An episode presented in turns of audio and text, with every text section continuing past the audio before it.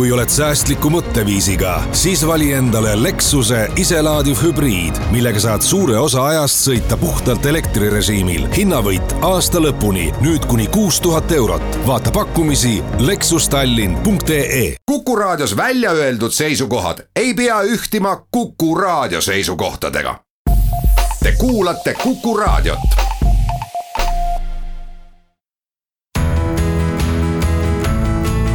Kuku Raadio nädala kommentaar.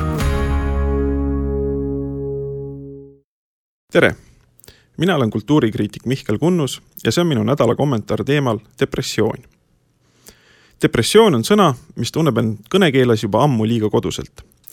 ta leiab kasutust nii sõimamiseks kui tegudele utsitamiseks, nii moraliseerimiseks kui meditsiiniliseks diagnoosimiseks sageli teavitatakse selle sõna abil ka lihtsalt oma tujutusest. ah, mul on deprekas praegu ning vahel üritatakse seda kasutada ka niinimetatud romantilisele kurbusele moe, moekamalt viitamiseks. jätan need argikeele lodevused praegu kõrvale.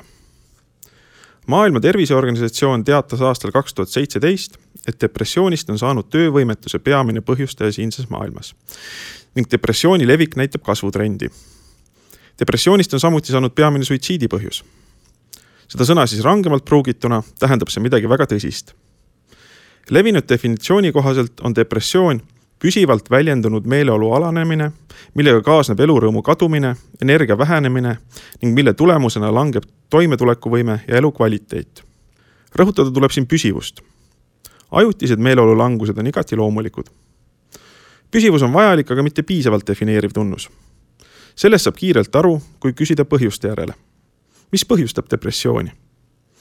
põhjuseid on väga palju ja need on nii varieeruvad, et võib isegi öelda, et depressioon, vähemalt eeltoodud definitsiooni valguses, pole mitte haigus, vaid umbes sama üldine sümptom nagu palavik.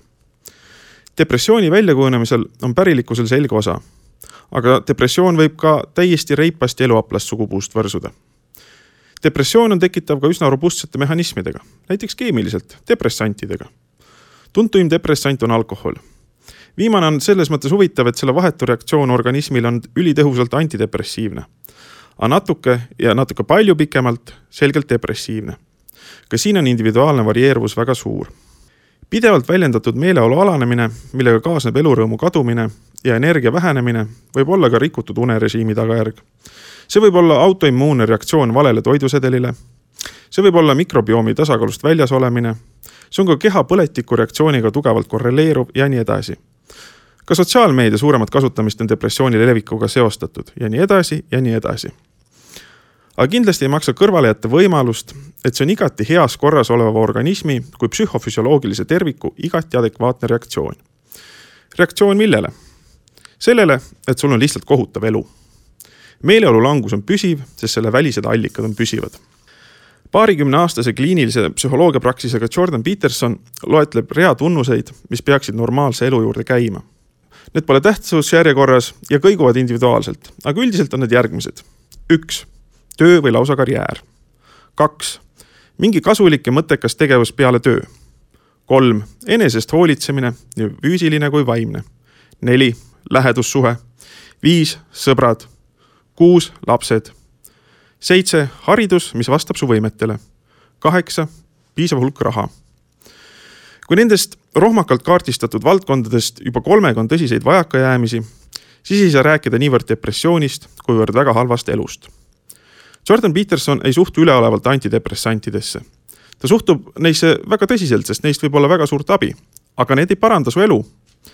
samuti ei aita see, kui kuulutada kõik need eeltoodud kriteeriumid mingis tobedas revolutsioonilises õhinas repressiivseteks konstruktsioonideks, olgu väikekodanlikeks või patriarhaalseteks ajaloos on sedagi ette tulnud kuuekümne kaheksanda aasta Pariisi kevadrevolutsioonides peksid tudengid segamini kloorbromasiini leiutaja Jean Delay kontoriruumid.